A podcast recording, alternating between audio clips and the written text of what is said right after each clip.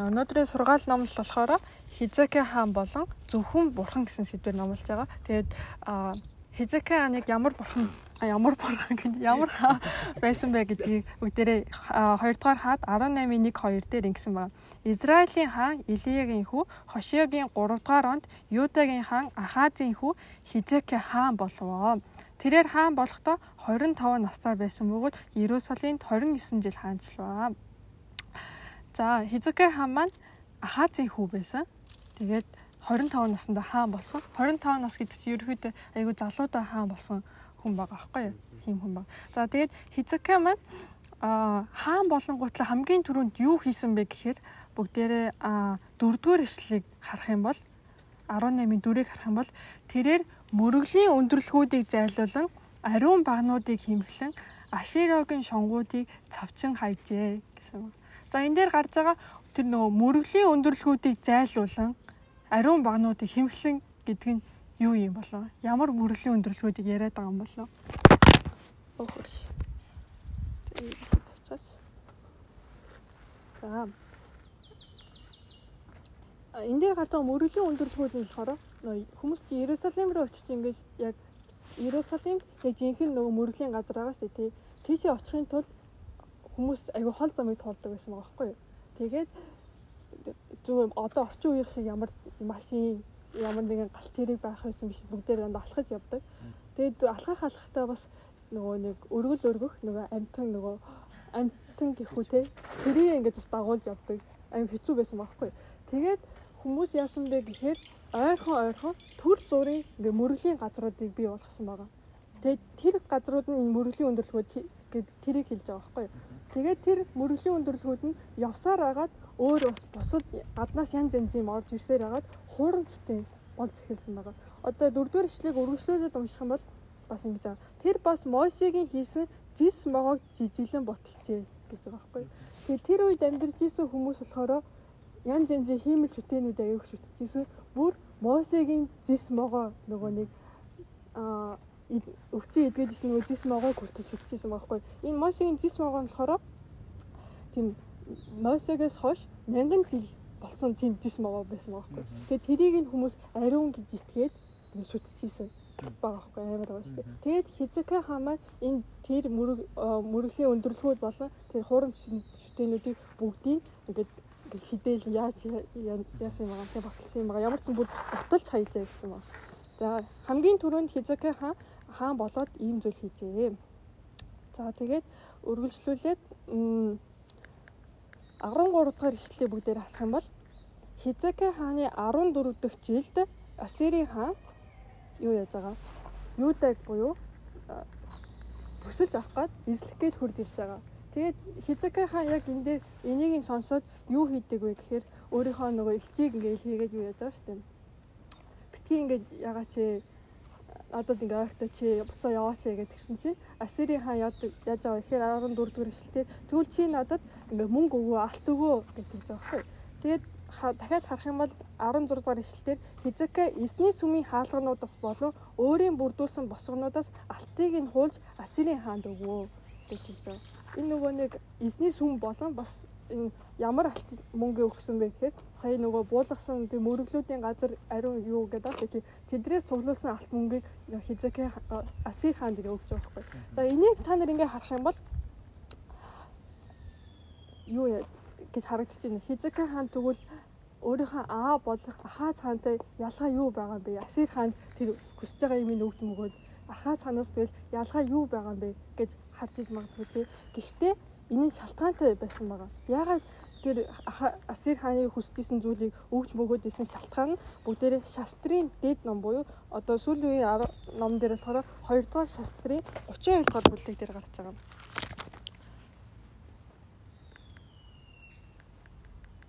За 32-ын 3-ыг уншия те 1 2 нь бол адилхан болохоор 3 дээр өөрийн төсмөд болон дайчтайгаа хамтран хотын гадна байдаг булгуудаас усыг таслахаар шийдсэнд тэд тосолваа гэд гарч байгаа. Тухайн үед Иерусалим маань хэрэгтэй байсан тий. Аа тэгээд тухайн үеийн нөгөө нэг дайм болохоор яаж явагддаг байсан бэ гэхээр нөгөө хэрэм байсан. Тэр хэрэнд нь болохоор өөрийнх нь ард түмэн байсан. Тэгээ хэрэмнийх нь гадаа нөгөө ижлэх гээд байгаа хүмүүс нь ингээ бүслээ зогссон байсан байгаа байхгүй. Тэгээд а тухайн үед тэр хэрэмний гадна талд нь нөгөө нэг юу яаж байгаа. За хамгийн чухал нь болохоор энэ 3 дахь эшлэлээр гад булгуудын гадна талаас усыг татпаа гэсэн байгаа шүү тий. Хизекай хааны хамгийн том хийсэн зүйл нь болохоор түнэл ухаж гаргаж ирсэн байгаа байхгүй юу? Яагаад түнэл ухаж гаргаж ирсэн бэ гэхээр нөгөө бүслээд авсан те дайм болох гээд байгаа. Тэнгүүд хотны дотор талд нь байгаа буюу хэрэмний дотор талд нь байгаа ард түмэг уух усгүй болчихж байгаа байхгүй юу? Ундных нь усгүй болчихж байгаа. Ягаад гэхээр ундных нь ус нь хэрэмний гадна нэсэн болохоор дайм болж болохоор гарч чадахгүй шүү дээ. Тэгээ баг ундны усгүй болохоор хүмүүсийн гээд баг өөхөн штэ. Тэгээ өөхгүй тул гараа өргөл баг бууж өгнө штэ тий. Тэхгүй тул Хизекэ хаан юу цаг хожихын тулд Асир хаан тэр хүсжсэн бүх зүйлийг нөгөөд тэр цаг хугацаанд нөгөө ундны усаа татаж оруулж ирэхин тулд түнэл гаргасан байгаа. За тэгээд энэ түнэл маань юу 1838 онд яг энэ Хизекэ хааны энэ түнэлийг нээж илрүүлсэн байдаг юм байлээ хүн Тэгээд ямар хүн илрүүлсэн бэ гэхээр Робинс гэдэг хүн Америк Америк хүн Робинс гэдэг нэртэй хүн энэ ёо түнэлийг олж илрүүлсэн. Тэгээд тэр түнэл нь болохоор 533 метртэй ийм гүн түнэл байсан байгаа байхгүй юу? 533 метр. А тий. Ямар ч тийм түнэл байсан. Тэгэхээр ингээд амар амар том зүйл хийсэн байгаа байхгүй тий. За За тэгээд Хизука хаан маань юу тэр түнэлээ ухаа дуусчлаа ингээд юу цаг одоо хожих шаардлагагүй болохоор яг жинхнээс одоо ингээд дай эхэлж байгаа. За одоо яг гол шийдэл болох Исая 36 дахь бүлгээр үзэж байгаа. Исая 36 дахь бүлэг. За За 36-аас бас яг адилхан эхэлж байгаа энэ дээр бүгд юуг харах вэ гэхээр хаана хоёрдугаар ишлэлээс харах юм бол Ассирийн хаан Лахишаас Иерусалим тийш Хизекэ хаан руу Равшекэг их цэргийн хамт илгээвэ гэж бүгдээр харж байна. За энэ тэгвэл Равшекэ гэдэг хүн хин болоо. Энд Равшекэ гэдэг хүн болохоор нөгөө тэр дайчдынхаа нөгөө айрныхаа хамгийн урд нь явдаг хүн байсан байгаа байхгүй юу? Одоо дээр үеийн кинон дээр хүртэл нөгөө байн байлтантай кинон дээр гардаг шнэ. Хаана нөгөө ард нь үлдээл тэгэл өөрийнхөө элчийг илгээдэг. Тэгээд элч нь хамгийн юулээ бусад аримуудаа удирдаад хамгийн урд нь гараад ингээд тунхаглаад ингээд зарлал марл ингээд хилээ явдаг. Тим хүн байсан бохоггүй юу. Тэгээд а тэр хүн болохоор Равшака байсан. Тэгээ энэ Равшака гэдэг хүн болохоор айгүй мэрэгэн ухаантай тийм боловсралтай хүн байсан байгаа. Энийг яаж мэдчихэж байгаа вэ гэхээр энэ Равшака гэдэг хүн болохоор тэр юдачуудын хэлийг нь яг юда хүн шиг нь сурсан хүн байсан байгаа байхгүй юу. Тэгээд тэр юдачуудын бас юу бүр үлгэр домог юу байдгийг тэгээ бас бүр шашны хүртэл буюу бурхны хүртэл судсан ийм мэрэгэн ухаантай боловсралтай хүн байсан байгаа. Тэгэд тэгээ өргөжлүүлээд ишлээ унших юм бол юу яаж байгаа. Хэд юу тэр Равшака гэдэг хүн маань эзек хизакагийн илгээс элчнэрт юу ингэж хэлж байгаа шүү дээ. Ерөөхдөө утга нь болохоор та нар ер нь юунд итгээд ингэ том байгаад байгаа юм бэ? Юунд итгээд ингэ томроод байгаа юм бэ? Та нар юу харчид юунд ингэ итгээд байгаа юм бэ? Та нар Египтэд итгэж найдаад байгаа юм уу? Тэр Египт чинь болохоор юу хугарсан хулс шиг таяг штэ. Тэр хугарсан хулсаа ингэ барих юм бол та нарын гарах ингэ ингэ цоор штэ. Тэгээ ер нь та нар яг барьж байгаа юм чи юу болоод ийм ингэ өөртөө ихтэй ингээд бартамнаад байгаа юм бэ. Та нар жоо хухан орооч ээ. Чонсон таарё гэдэг жбайгаа байхгүй юу. Тэгээд өргөжлүүлээд Равшаке бас дахиад айгу ухаантай тийм арга зал ашиглаж байгаа байхгүй юу. Юудачуудын эсрэг. Хэрвээ ингээд гадна талд нь ингээд зогсоод мэдээж элс нартай ингээд ярьж байгаа шүү тий. Хэрвээ гэхдээ дотор талд нь ард түмэн байгаа тий. Тэгээ Израилийн элч нараас гадна хэрний дотор байсан юу ард иргэд нь бүгдээрээ Равшагийн хэлж байгааг сонсож байгаа тий. Тэгэхээр яагаад тэгэхээр Равшагийн юдачуудын хэлээр өөрсдийнх нь хэлээр нь ярьчихсан болохоор бүгд тэрнийхэн яриаг нь сонсож байгаа. Тэгээд 7 дугаар ишлэгийг харах юм бол бүгдээрээ хэрв та нар надад бид өөрсдийн бурхан эзэнт найднаа гэж хэлэх юм бол тэр чинь Хизекиягийн та нар Иерусалим дахь энэ тахлын ширээний өмнө мөргөхдөн гэж Юуда Иерусалимд хэлээд зайлуулж байсан өнөөх мөрөлийн өндөрлөхүүд болон тахлын ширээнүүдийн эзэн юм биш үү гэж хэлж байгаа. Ажиглаад харах юм бол зааж байгаа. Та нар ингэж. Та нар одоо тэр Хизакигийн хаан буюу Хизакиг бурханд үйлчлдэг гэд Хизаки хаанд итгээд байгаа мó. Та ёо Юдагийн ард түмэнд хэлээд байгаа шүү. Та нарыг сайн хараарай. Та нарын мөрөгдөг тэр Яхова бурхтын тэр мөрөглийн газруудыг наа Хизаки гэдэг хүн чинь ингээ бүгдийг нэвдэл сүтэд устгасан шүү дээ. Өөрөөр хэлэх юм бол юу Хизаки хааныг бурхны эсрэг хүн, бурхнаас ургасан хүн гэж томхоглоод байгаа байхгүй юу? Юдачуудад. Тэгээд тэгээд энийг сонсч ирсэн юдачуд яах вэ? Дотроо ингээд бодож эргэлзэж эхлэв шүү дээ. Нэрээ тийм юм болов гэл. Тэгэд Равшакад бүр ингээд тохуурхаад гэж байгаа байхгүй бүр тохуурхаад 8 дахь эшлэлээр та нар ингээд манай танаа улсад манай улсын ингээд чигтийн хурууныч баг юу биш ээ. Чигтийн хурууны дайтай энэ жижиггүй болсаа. Та нарт хэрвээ унах хүн байх юм бол би танарт 2000 морь гаргаж өгье. Тэгээ тэр 2000 морь гаргаж өгөөд та нар бидэнтэй ингээ байлтаад үз. Тэг яах нь ялах нь ийх нь гэд тохуурхаад тийм байдалтайгаар асууж байгаа байхгүй юу. Тэгээ 10 дахь ишлэлээр бас би бол бурхны илгээсэн хүн байна. Та нарын итгэдэг тэр бурхны Яхова бурхны илгээсэн хүн чинь би байна. Тэгээд тэр та нарын тэр Яхова бурхан энэ газрын эсрэг явж устгах гэж надад хэлсэн юм аа гэд хэлж байгаа байхгүй. Яг энэ арга зээлийн харагдаж байна та нарт. Яг тэдний бурхан дээр тэдний биш бурханыг ашиглаж ингэж хүмүүсийг ингэж өрхтөөд шүү дээ тийм. Ингээд хэлчихээр ард түмэн яах вэ? Бүр ингэж самуурч эхлэв шүү дээ тийм юу вэ? Нэрээ энэ хүний хилээд байгаа нь үнэн юм болов? Нэрээ Хизекийн хаан бурхны эсрэг ургасан ийм бурхны эсрэг хүн юм болов гэд бүр ингээд самуурч эхлэн тийм. Тэгээд тэгсний дараагаар нөгөө нэг юу яаж байгаа юм? Хизекагийн илгээсэн элчнэр Равшака дээр очиод юу юу хэлж байгаа шүү дээ. Равшака бид нар ингээ арам хэл нэгнэ. Арам хэлгээд Равшакагийн хэлж штэ тий. Тийм болохоор хэдлийн арам хэлээр ярья.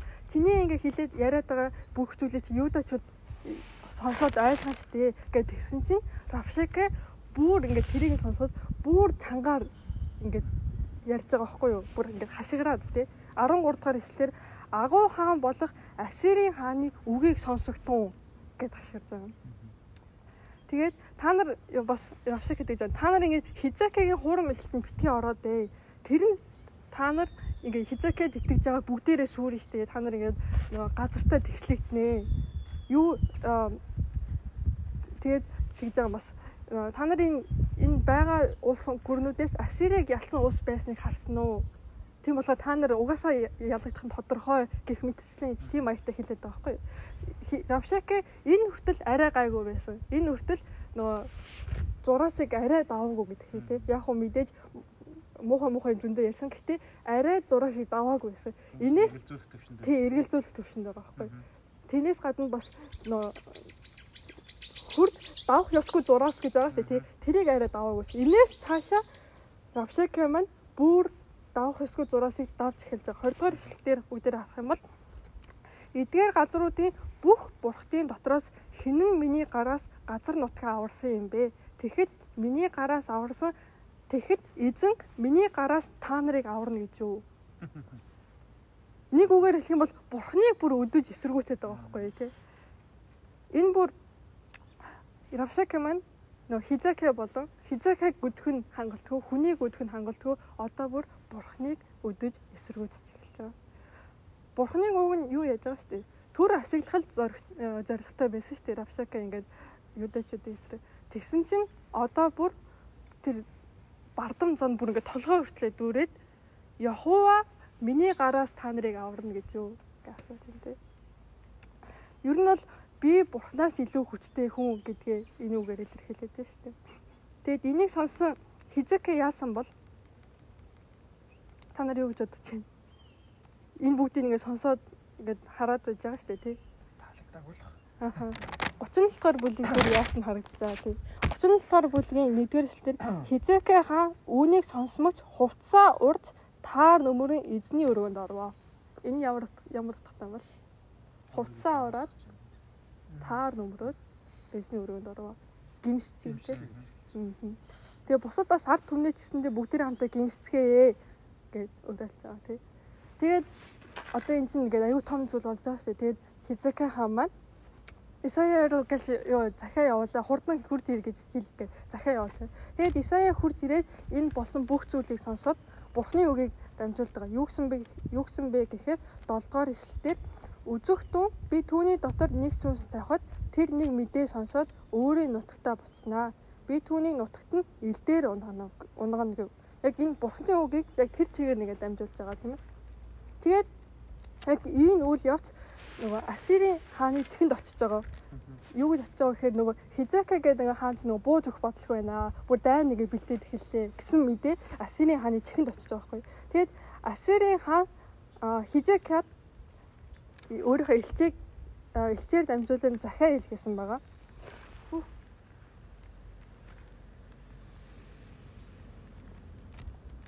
Аа энэ. За 10 дугаар хэслийг харах юм бол ингэж Чиний итгэдэг бурхан Иерусалим Ассирийн хааны чиний итгэдэг бурхан Иерусалим Ассирийн хааны гарт өгөгдөхгүй хэмээн чамайг бүүм ихлээ гэж тэгж байгаа. Ингээд бүр нөгөө нэг давах өсгөө зураасыг бүр хэтрээд хэрээс хитэрч байгаа зүйл болж байгаа байхгүй юу? Аа чи өөрийгөө аврагдана гэж бодоод байгаа мó гэх мэтчлээ тийм утгатай захиа айл гэсэн байгаа. Тэгээд юу болдгоо гэхээр Хизекэ тэр захиаг нь Бурхны өмнө игээд дэлгээд залбирч эхэлж байгаа бүр ингээд өвдөх сүлдүүд ингээд залбирч эхэлж байгаа байхгүй ингээд э, тэр нөгөө захиаг нь бариад нөгөө нэг ёс бус үг хэлэхдээ бурхны доромжсон үг хэлэхдээ тэр захиаг нь бариад тийм.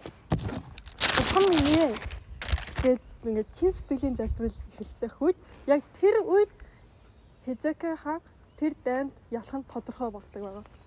Тэгээд нөгөө нэг хүүхдүүдээ аавда нэг эрхлээл аава тгий инgi гэл эсвэл юм хугуурахта ингээл айгүй тэгж эрхэлж ярьдаг шиг Хизекэ хаан бас бурханд яг тэгж залбирсан байгаа байхгүй.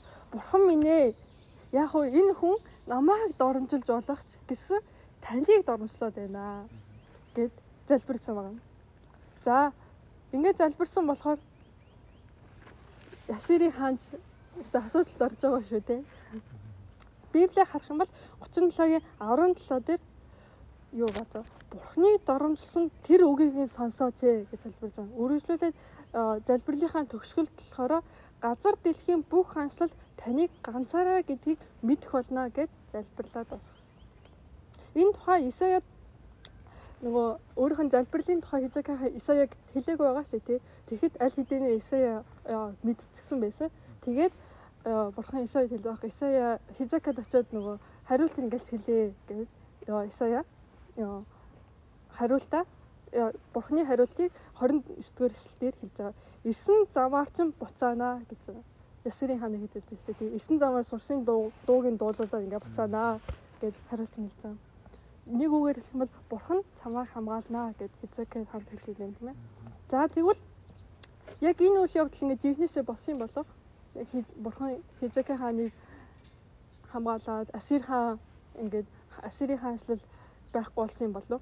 Цааш үзэх юм бол 35-аас 38 дахь эшлэлээр аа дагаад уншиж дагаад хараарай харж ивэл 35-аас учир нь би өөрийнхөө төлөө болон миний зарц Давидын төлөө энэ хотыг аврахын тулд би түүнийг хамгаалах болно гэж хэлв. Тэгтэл эзний тэнгэрэлч гарч ирээд ассирчуудын хооронд 185 мянган хүнийг зохив. Хүмүүс өглөө эрт босоод хартал тэд бүгд өгтөл болсон байжээ. За юу болчих вэ? Тэнгэрэлч зогсон гэнэ. Тэнгэрэлч зогсон. Тэгээд хэд хэдэн тэнгэрэлч биш байгаа байхгүй юу? Ганцхан тэнгэрэлч. Юу Монголны юу Библиэлд болохоор тэнгэрэлч гээд тодорхойг байгаа байхгүй нэг юм уу хідэн тэнгэрэлч харин солонгос хэл дээр болохоор хан чонсоо гэдээ бүр ингэ маш тодорхой ганцхан тэнгэрэлч гэдэг бүр тодорхойсон байна. Тэгээ ганцхан тэнгэрэлч олон тэнгэрч шүү дээ. Ганцхан тэнгэрч ганцхан шөнийн дотор 1800 185 мянган цэргийг дараа өдөр нь өгтөл болгосон. бүр ингээд айгүй том үйл явдал болж байгаа шүү дээ. Айгүй том гайхал шиг болж байна тийм. Тэгэд их Тэгэд яг энэ үед нөгөө Хизекэ хаан болоо Исая хоёр юу хийж исэн бэ гэхээр яг тэр шүн бурхан танд нь залбирж исэн байгаа. Тэгээд бүгдээрээ бас 2 дугаар шастар 32-ын 20 дугаар эслэлийг бүгдээрээ харах юм бол энэ үүнээс болоод Хизекэ хаан Амазын хүү иш үзүүлэгч Исая нар залбираа тэнгэр өөд хашгирцгааж яваа. Тэгээд 21 дугаар эслэл дээр нь эзэн тэнгэрэлчээ илгэн Ассирын хооронд бүх хүчит дайц занжингууд ба төшмдүүдийг алуулжээ гэдэг. Тэгээд тэр 185 мянган цэргүүд нь ямар хүмүүс байсан бэ гэхээр зүгээр нэг энгийн цэргүүд биш байсан байгаа байхгүй юу? Яг толгоонуудын бүгдийг алсан. Хүчит занжингууд болон тэр нөгөө төшмдүүдийг бүгдийг алсан гэсэн. Тэгээд энэ дайн одоо боломжтой болов? Ингээл боломжгүй шүү дээ тий. Ингээд дайн бүр нэг шөнийн дотор ингээ угаасаа дуусчихж байгаа. Бүр нөгөө Асир хаан зүгээр гайм өөр болчихж байгаа байхгүй юу? Тэгээ ичгүүртэйгээр ингээ ялагдсан одоо энэ Асирын хаан бүр ингээ аим ичгүүртэйгээр ялагдчихж байгаас ганцхан шөнийн дотор бүх цэрэг дайстай ялагдав. Тэгээ буцаж нөгөө нэг өөрийнхөө нутаг руугаа явсан. Нутаг руугаа очиод өөрийнхөө нөгөө мөрөгдөг бурхныхаа сүмд очиж мөргөл үлдэхгээ очисон чинь алуулдаг байгаа тий. Хинд алуулдаг гэлээ? Санжээ. Үгүй өөрийнхөө хүүхдүүдэд алуулж байгаа байхгүй юу? Өөрийнхөө төрсөн хүүхдүүдэд алуулж. Асир Асир хаан маань болохоор 2 3 хүүтэй байсан. Тэрний хоёр нь хувилдж жагаад аавыгаа алдсан. Тэгээд ууг одоо тэг алсан тэр хоёр хүүхдийн нэг нь хаан ширээнд суух хэрэгтэй байтал юу зутаад яваад өгсөн. Тэгээд үлдсэн нөгөө нэг тэр хуйлдаанд оролцоогүй ганц хүн юу хүчээр шахуу хаан тулсын хаан хаан цэлийг тэр Аширын Асирийн дараагийн хаа болж байгаа хүчээр шахав. Тэгээд яг энэ болохоор энэ энэ болохоор түүхийн баримт болж байгаа. Ерхэд өөр бас бусад номууд дээр чинь Асир хааны талаар ингэж гардаг. Тэгээд энэ бүх зүйл үнэн гэдгийг баримт болгож өгч байгаа. За ингээд ма бүр маш гайхалтай ёо ерөөсийн зүйл болтоос нэг ганцхан шөнийн дотор гээл тээ. Тэгээд энэ бүх зүйлийг хүний хүчээр бий болгож чадхалаа. Боломжгүй ямар ч боломжгүй тээ. Зөвхөн бурхны хүчээр л бий болгож болно. Тэгээд тэрний дараагаар бүгдээрээ 2 дугаар хаадын 20 20 дугаар бүлэг дээр гарч байгаа юу Хизекэ хааны өвчин туссан үеийн тухай гардаг тийм ээ. Өвчин тусаа тэгээ бурхан хандан залбирж байгаа үеийн тухай гардаг. Тэгээ цаг хугацааны үед бодоод үзэл та энэ өвчин туссан үеийн хизээ байсан юм бол яг та нар а яг тэгэж бодож магадгүй те энэ бүх нөгөө үйл явдал нөгөө нэг хүн үхээд ингээд юу яагаад юулээ нөгөө дайнд ялсны дараа гэж бодож байгаа боловч үгүй.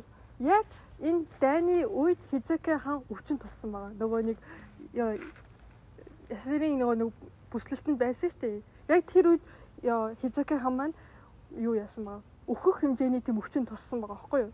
Энэ дээр ингээд библиэр өчгдсэн байгаа. Библийг библиэр нь тайлбарлана гэдэг шиг тийм. Нөгөө юу 20 дугаар бүлэг дээр Үгүй. 2 2дугаар тийм. Одоо хуучин ном дээр хаадын дээр шинэ ном дээр болохоор 2 тийм 20 дугаар бүлэг дээр байгаа. За 2 дугаар бүлэг дээр юу яаж байгаа юм? Исаягаар дамжуулаад нөгөө нэг бурхан хэлж байгаа шүү дээ. Ингээд юу яа? Чи одоо өөхөх хүчин туссаа одоо гэрээслээ бичээ. Тэгээд юу н өөхтэй бэлдээ гэд хэлсэн чинь хилдэг байгаа тий. Тэгээ та нар байсан бол хизокигийн оронд байсан бол яах байсан бэ? Ингээд яг тэр үед ингээ өөхөж чадах байсан уу? Өөхөх өөхөх байсан уу? Аха. Аа хүн байна. Тэрнээс гадна хизака ч юм яг тухайн үедээ маш том дай арай болог байгаа шүү тий. Маш том ажлыг хийж байгаа шүү тий. Нөгөө түнэл ухаад тэгснээ бас ингээд дайнд бүгэ маш нямбагаар ингээд бэлтжижсэн хүн байгаа байхгүй. Яг тэр үед өгчих юм бол юу болох вэ? Яг тэр үед бас нөгөө Равшакэцээ хурж ирээл би ингээд бурхны илгээсэн хүн байна. Та нарыг устгахаар ирлээ мэрлээ гэж хэлж байгаа шүү дээ. Тэр үед Хизакахаа өгчүүл юу болох вэ? Самуурал болно шүү дээ. Тэр нөгөө Равшакагийн нөгөө худлаа хилээд байсан тэр залм их нь баг үнэн болох гэдэг байхгүй. Хэрвээ Хизака өгчих юм бол тэгээд Равшака юу газар дунаад нөгөө бурханд ингээд бүр нулимснаагаар залбирсан гэж байгаа байхгүй юу? Бурхан минь ээ би ингээд өөрийнхөө төлөө биш ээ. Таны ард түмний төлөө та намайг авраач ээ гэж залбирсан байгаа. Хизэкэ залбирсан. А би тэгсэн тийм Рафшик гэсэн заа үнэхээр уучлаарай. Рафшикийг яач вэ? Аа, Рафшик Оо яа, яагаад Рафшик гэдэг юм бэ? Рафшик гэж юм ер нь. Тийм. Энэ хоёрын нэрийг холиод. Харин тийм Хизэкэ тэгээ өөрийнхөө миний төлөө биш ээ та өөрийнхөө ард түмний төлөө намайг итгээгээч гэж нулимстайгаар бүр ингээд чиз биелийн залбирал хийсэн байгаа байхгүй юу? Тэгээд бурхан тэр залбирлыг сонссон байгаа. За тэгээд а Исаяд бас Исаягаар дамжуулаад нөө Хизекэтэй харилцах ёстой тий. Ёстой шүү дээ тий. Исая юу яаж байгаа? Тэр нөө чи одоо ингээ хөхтэй бэлдээ. Ингээд гэрээсл мэрээслээ бичээ гэж хэлээд яг тав алхсан уу юу? Бурхан иш үзүүлэхийн шууд өөрчлөж байгаа байхгүй. Ингээд наадах чи одоо эдээхээр болчлоо гэж хэлмэл. Тэгэхээр та нар Исаягийн оронд эсвэл яах юм бол аа би хэлсэн шүү дээ гэж. Тийхээс байж магадгүй тийм ээ. Гэхдээ ёо Исая иш үзүүлэх юм чинь дамжуулж хэлэх ёстой. Тэгээд аа юу байгаа? Аа ханаа. Аха. 38-ын 7 дугаар ишлэлээр ингээд эзэн би Аль намайг хүч нэ. яаж байгаа те. Исая. Исаягийн аа байж байгаа.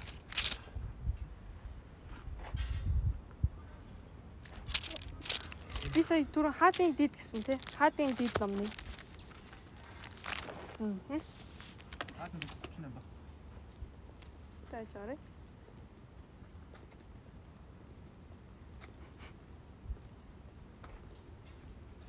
Хаад нь хүч нэ ба. Тааж байгаа. Аа, Исая хүч нэ байна. яаж байгаа. Яне. Тэгтээ.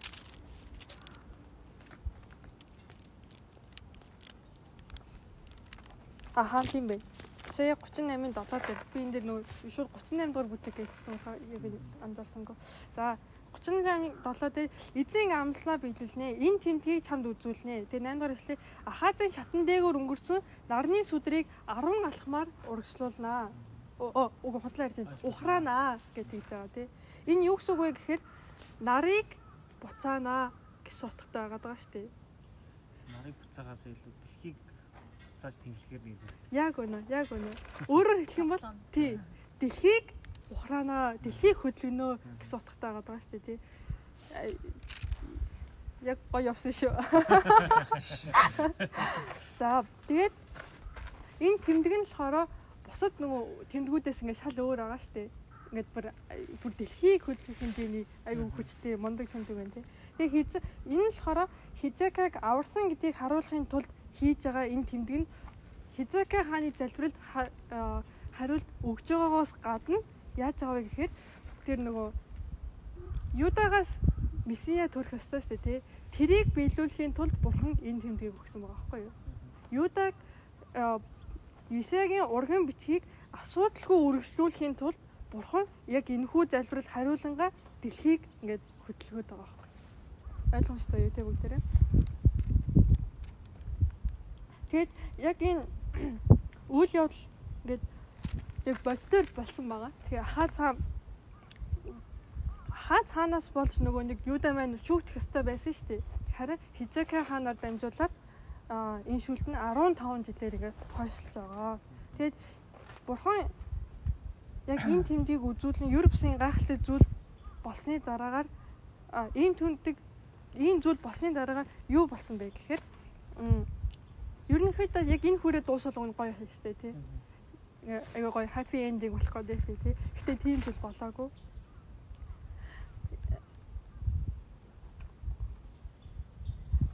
дэх бүлгийг Исая 39 дэх бүлгийг харах юм бол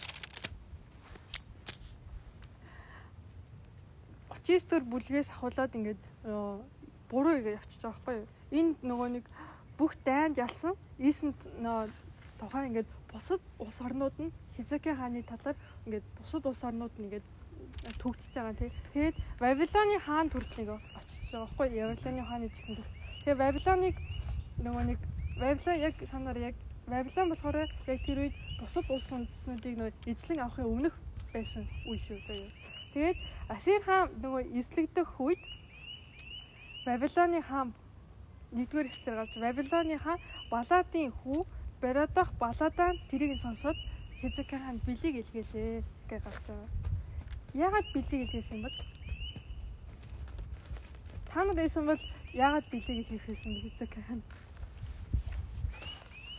Дулдууд Дуудаж байгаа. дулдууд жах бай. Долдууд нь. Аа. Яагаад ингэж байгаа гэхээр нөгөөний Вавилон маань тандалт хийхийн тулд нөгөө нэг тийм бэлэг ил гэж байгаа. Ягаад айгүй нэгэнд нэг сони болчихлоо. Яг тэгэхээр Вавилон ч өөрөө тэр нөгөө одон орон судалдаг тийм мундаг орон байсан шүү дээ. Мундаг тийм хот байсан. Яг тухайн мөчөд тэр нөгөө тэнгэр ирэхээс ингээ хөдөлсөн. Тэгэхээр тэр бүгдийг ингээ нүдэрээ харж исэн болохоор ёо харсан болохоор энд нэг сони болсон. Энд яг юу болчихоо гэд ингээд мэдхийн тулд хүмүүсээ илгээхийн тулд бэлэг ингээд илгээсэн байгаа байхгүй юу? Бас айгүй ингээд янз янзын мэдээж Вавилонд ингээд сонсогдож байгаа шүү дээ. Нөгөө нэг хүмүүс 185 мянган хүн өгсөн гинэ, өгшгөө өцнөөс идэгсэн гинэ гэд. Энэ бүх зүйл яагаад бий болчихоо гэд мэдхийн тулд тэр бэлгийг илгээсэн байгаа. Тэгээ Вавилоны хаанаас гадна дэлхий дээрх бүх улс нь түүнэр ингээ хайж ирж байгаа шүү дээ. Тэгээд бас нөгөө өөрт нь Хизекэ хаанд нөгөө гой гой бэлгнүүд өгөл явж байгаа тийм. Тэгээд яг энэ үед Хизекэ хаан маш том алдар хүндлэлийг авч байгаа. Тэгээ хүн болгон өөрсдөр нь ирээл алт мөнгө өгөөл, бэлэг өгөөл байсан чинь Хизекэ хаан энэ дээр юу хийж байгаа гэхээр маш том буруу зүйл буюу яг тэр үед бурхныг гэрчлэх ёстой байх үед юуг гэрчилж юуг гайхуулсан бэ гэхээр м байгаа мөнгө. яг үнэ өөрийнх нь тэр нөгөө Баялаг. алт мөнгө тэр нөгөө анхлан үнэртэн тоос гэх мэтлэн зүгээр харуулж болох юу л байна тэр зүг бүгдийг нэг харуулсан байгаа байхгүй. Тэр нөгөө бусад оо, орноос ирсэн тэр хүмүүс. Тэгээд энэний талаар сонссон Исая одоо энэ Хизекэ ингэжийнэ гэж сонссон Исая 3 дахь эслэр асууж байгаа байхгүй. Энэ хүмүүс юу ярьж байна? Тэд хаанаас таныг зорж ирвэ гэж асуусан байна. Гэтэ Исая яг энийг мэдэхгүй дээ асуусан юм болов. Мэдэхгүй болоод энийг асуусан болов. Бүгдээрээ юу санаа л та. Адам Ева хоёрыг асууя асууя л та. Бурхан нөгөө нэг хаана байна гэж асуудаг. Тэгээ бурхан мэдэхгүй дээ асуусан бол үгүй шүү дээ тий. Бурхан Адам Ева хоёр гимшил гимших боломжийг өгж байгаа болохоор тэр асуултыг асуудаг тий. Хизакад гэсэндээ яг адилхан гимших боломжийг өгөөд асуугаад байхад Хизака хаан тэр боломжийг байна. Тэрээр 6 дугаар эшлэлээр за чиний үзүүлсэн бүх зүйлийг бурхан юм чиний үзүүлсэн бүх нөө эд хөрөнгө э, үзүүлсэн гой зүйлүүдийг чинь бүгдийг Бабилон руу зөөнөө. Тэгээ чи энэ зүйлүүдээ яах гэж цуглуулсан юм бэ? Яг нь чи хүүрэг хүмүүстэй өгөх гээд өвлүүлэх гэж цуглуулсан юм уу? Тэгвэл тэр өөр хүмүүс чинь Бабилоны бүр тайган болноо гэж хэлж байгаа тий. Тэгээд хариуд хариу нь Хизакагийн хариу нь юу байсан бэ гэхээр миний өдрүүдэд амар амгалан аюулгүй байх л юм байна гэж байгаа байхгүй. Энийг сонсоод Хизака ханыг амар тийм хуваа хичээсэн хүн байна гэж харж болж байна тий. Гэтэ инүүний учир шалтгаан нь 2 дугаар шастай номны 32 дугаар бүлэг дээр гарч байгаа. 32-ийн 25 26-г унших юм бол харин Хизака хүлээж авшин авсан ашгаасаа буцааж өгсөнгүй. Учир нь түүний зүрх бардан болжээ. Иймээс уур хилэн түүний дээр болон Юда, Иерусалимийн дээр буу. Харин Хизекя болон Иерусалимийн оршин суугчид зүрхнийхээ бардамлыг номхруулсан учраас эсний уур хилэн тэдний дээр Хизекагийн өдрөд боосонгүй. Тийм болохоор Хизекя миний өдрүүдэд амар амгалан аюулгүй байх юм байна гэж байгаа тийм. За Тэг Хизака хамаа гимсэн байгаа. За удахгүй дуслаа уушлах манай хайраа удаан байгаа тэгэл. За Хизака хамаа гимсэн байгаа. Яг Давид шиг тий Давид нөгөө Басабягийн үйл явдлын дараа гимсдэг шүү дээ. Яг тэр юм шиг. Хизака хаан ч гэсэндээ гимсэн. Тэгээд тэр шүүлтэн дээр буугаагүй. Шүүлт өөр дээр нь буугаагүй. Тэгээд та бүхэн ч гэсэндээ